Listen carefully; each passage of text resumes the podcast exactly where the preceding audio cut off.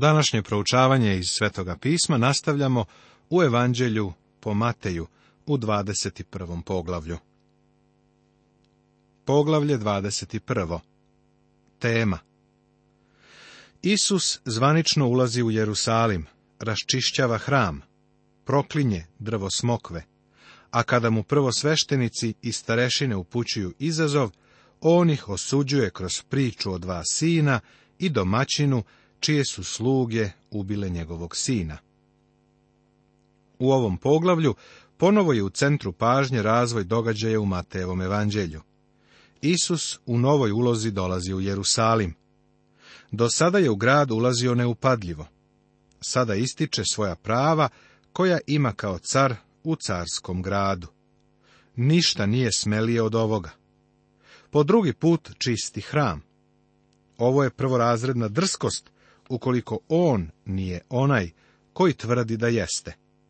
Proklinje drvo smokve što je simboličan postupak. Susreće se sa izazovom religioznih vođa i kroz priču ih optužuje što kuju zaveru o njegovoj smrti. U Isusovom načinu ćeš primetiti odlučan i promišljen ton. On sada insistira na spornom pitanju. On će ih naterati da deluju onda i kako on to poželi. U potpunosti kontroliše celokupnu situaciju. Nikada se nije pokazao više kao car nego sada kada se približava krstu. I kada se približiše Jerusalimu i dođoše u bitvagu prema Maslinskoj gori, tada posla Isus dvojicu učenika, govoreći im. Idite u selo što je prema vama, i odmah ćete naći magaricu privezanu i magare s njom. Odvežite i dovedite mi je, i ako vam ko kaže što, recite da su gospodu potrebni. Odmah će ih pustiti. Za razliku od mnogih drugih, ja u ovom događaju ne vidim nikakvo čudo. Verujem da je ovo uobičajena prirodna situacija. Kada je gospod posljednji put bio u Jerusalimu, verovatno se dogovorio sa nekim prijateljima da će koristiti njihove životinje kada sljedeći put dođe u grad. Možda im je bio otkrio svoje namere, pa su se oni složili da mu ih pripreme za pashu.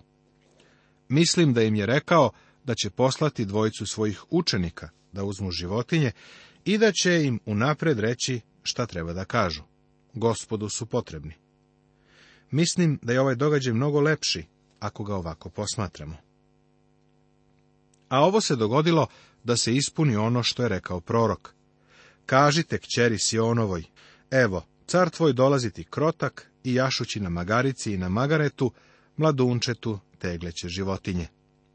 Ovo je citat iz knjige proroka Zaharije iz devetog poglavlja. Raduj se mnogo, kćeri Sionska, povikuj, kćeri Jerusalimska. Evo, car tvoj ide k tebi, pravedan je i spasava, krotak, i jaše na magarcu i na magaretu, mlade tu magaričinu. U Mateju su prisutna neka bitna propuštanja, koja otkrivamo kroz pažljivo poređenje. Raduj se mnogo, kćeri Sionska je propušteno. Zašto? Jer gospod ne dolazi u Jerusalim radi vremena radovanja. Ovo će se desiti kada drugi put dođe. Također je ispušteno, pravedan je i spasava, jer spasavati nosi u sebi ideju o pobedi, što će se također ispuniti pri njegovom drugom dolasku. Zaključak koji treba da izvučemo iz ovih delova jeste taj da će, kada drugi put dođe, to biti pravi triumfalni ulazak. Smatralo se da je gospod pokazao smernost kada je jahao na magaretu. To nije tačno. Ovu malu životinju su jahali carevi. U naše doba to bi bilo kao da u grad ulazite vozeći se u Rolls Royce-u. Magara je bilo životinja za mirno vreme dok je konj bio životinja za rat. Kada je Isus ušao u Jerusalim, jašući ovu mirnodopsku životinju, sebe je ponudio kao cara. Uprkos činjenici da je to radio, prorok kaže da je bio ponizan. Važno je da to uvidimo. Učenici odoše i učiniše kako im je Isus naredio. Dovedoše magaricu i magare, staviše na njih haljine i sede na njih a većina naroda proste svoje haljine po putu, a drugi rezahu granje sa drveća i prostirahu po putu. A narod koji je išao pred njim i za njim vikao je, Osana sinu Davidovu, neka je blagosloven koji dolazi u ime gospodnje. Osana na visini. Moguće je da ovim putem nikada pre nije ušao u Jerusalim. Videćemo to u Jovanovom evanđelju. Verujem da je on uglavnom dolazio kroz kapiju za ovce, vrlo neupadljivo, kroz kapiju kroz koju su dovođene životinje za žrtvu. Ali ne i ovaj put. Ovde on ulazi jašući kao car, a oni koji su sa njim uviđaju da on jeste car. Ovo je njihova prilika da ga prihvate ili odbace. I kada uđe u Jerusalim, uzbuni se sav grad govoreći, ko je ovaj? a narod je govorio, to je prorok Isus iz Nazareta Galilejskoga. Gospod primorava Jerusalim da posljednji put razmotri njegove tvrdnje. Drugo, čišćenje hrama. I uđe Isus u hram i istera sve koji su prodavali i kupovali u hramu, te ispremeta stolove menjača i stolice prodavaca golubova i reče im, napisano je, moj dom zvaće se dom molitve, a vi od njega činite razbojničku pećinu. Ovo je baš oštar jezik, zar ne? Dozvoli da tvoju pažnju privučem na određene činjenice u vezi sa takozvanim triumfalnim pobedničkim ulaskom. Pre svega, mislim da triumfalan nije odgovarajuća reč za ovo, jer, kao što smo vidjeli, ispunili su se samo neki delovi iz proroka Zaharije. Gospod je ušao u grad Jerusalim da bi bio spasitelj on se posljednji put javno predstavlja narodu. Kada razmatraš sva četiri evanđelska izveštaja, oni daju složenu sliku. Očigledan zaključak je da on nije ušao u grad samo jednog dana, nego u tri različita dana. Prvi put to je bilo u subotu, na šabat. Toga dana nije bilo poreznika i on je pogledao unaokolo i otišao. I uđe u Jerusalim u hram i razgledavši sve, pošto je već bilo kasno, iziđe s dvanaestoricom u Vitaniju. Ušao je kao sveštenik. Drugi dan, kada je ušao u Jerusalim, bila je nedelja, prvi dan sedmice. Poreznici su bili tamo i on je očistio hram. Ovog dana je ušao kao car. Treći dan, kada je ušao u Jerusalim, bio je ponedeljak, drugi dan sedmice. Tog dana plakao je nad Jerusalimom, Zatim je ušao u hram, poučavao i isceljivao. Tog dana je ušao kao prorok. Kada ova tri zapisa iz Mateja, Marka i Luke uporedimo, postaje očigledno da oni beleže tri različita ulaska. Verujem da je gospod Jerusalim ulazio tri dana uzastopno, u tri uloge, kao sveštenik, kao car i kao prorok. I svakoga dana se vraćao u Vitaniju, Očigledno u gradu nije provodio noć, sve dok ga nisu uhvatili. Seti se da se takozvani triumfalni ulazak završio na krstu, ali drugi put će doći pobedonosno. Pisac poslanice jevrejima to na divan način ovako kaže. Tako će se i Hristos, pošto je jednom prinet na žrtvu da ponese grehe mnogih, drugi put javiti ne zbog greha, na spasenje onima koji ga očekuju. Prorok Zaharija nam kaže da kada on sljedeći put dođe na zemlju, staće na Maslinsku goru, tu će sići. Zatim će ući u Jerusalim i to će biti triumfalan ulazak.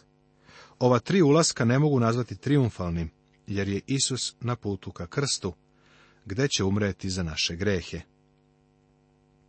Pošto je očistio hram, mnogi su mu došli radi pomoći. I pristupiše mu slepi i hromi u hramu, i izleči ih. Zapazi kako evanđelista Matej ističe činjenicu da su mnoštva naroda bila isceljena. A pravosveštenici i književnici, videvši čuda koja učini i decu kako viču u hramu, Osana, sinu Davidovu, rasrdiše se. Oni su se naljutili. I rekoše mu, čuješ li šta ovi govore? A Isus im reče, da, zar nikada niste čitali iz usta dece i odojčadi spremio si sebi hvalu i ostavi ih, te izađe iz grada u Vitaniju i prenoći onde. I ostavi ih ukazuje na njegovo odbacivanje religijskih vođa. Te izađe iz grada u Vitaniju. Kao što smo pokazivali, gospod nije noći provodio u Jerusalimu, sve do noći kada je uhapšen. Ali vidimo kako se sljedećeg dana vraća u grad. Mislim da je ovo ulazak koji Luka ističe, njegov treći i posljednji ulazak u ponedeljak ujutro. Spaljeno drvo smokve. A kada se ujutro vraća u grad, ogladne. I videvši jednu smokvu kraj puta, dođe do nje i ne nađe na njoj ništa do samo lišća i reče joj, ne bilo od tebe nikad više ploda do veka i odmah se osuši smokva. Bilo je mnogo poteškoće u pokušaju da se protumači događaj sa drvetom smokve. Čuo sam razne ideje o tome šta ta smokva predstavlja. Ja verujem da smokvino drvo simbolično predstavlja Izrael, kao što ćemo vidjeti u 24. poglavlju. Bar sa pouzdanjem možemo reći da kada je gospod došao na ovaj svet, izraelski narod nije ispoljavao nikakve plodove postojali su samo spoljašnji listovi, ritualne, beživotne religije. Ovo je gospod osudio. Izraelski narod je držao religijsku formu, ali nije imao silu. Ono što im je Bog dao, pretvorili su u mrtvi, beživotni ritual bez živosti i zrelosti, i taj ritual više nije postizao Božije namere. Mišljenja sam da će Bog na isti način da postupa i sa organizovanim crkvama koje su okrenule leđe osobi Isusa Hrista. Dozvoli da ponovo kažem da je proklinjanje smokvinog drveta simbolično.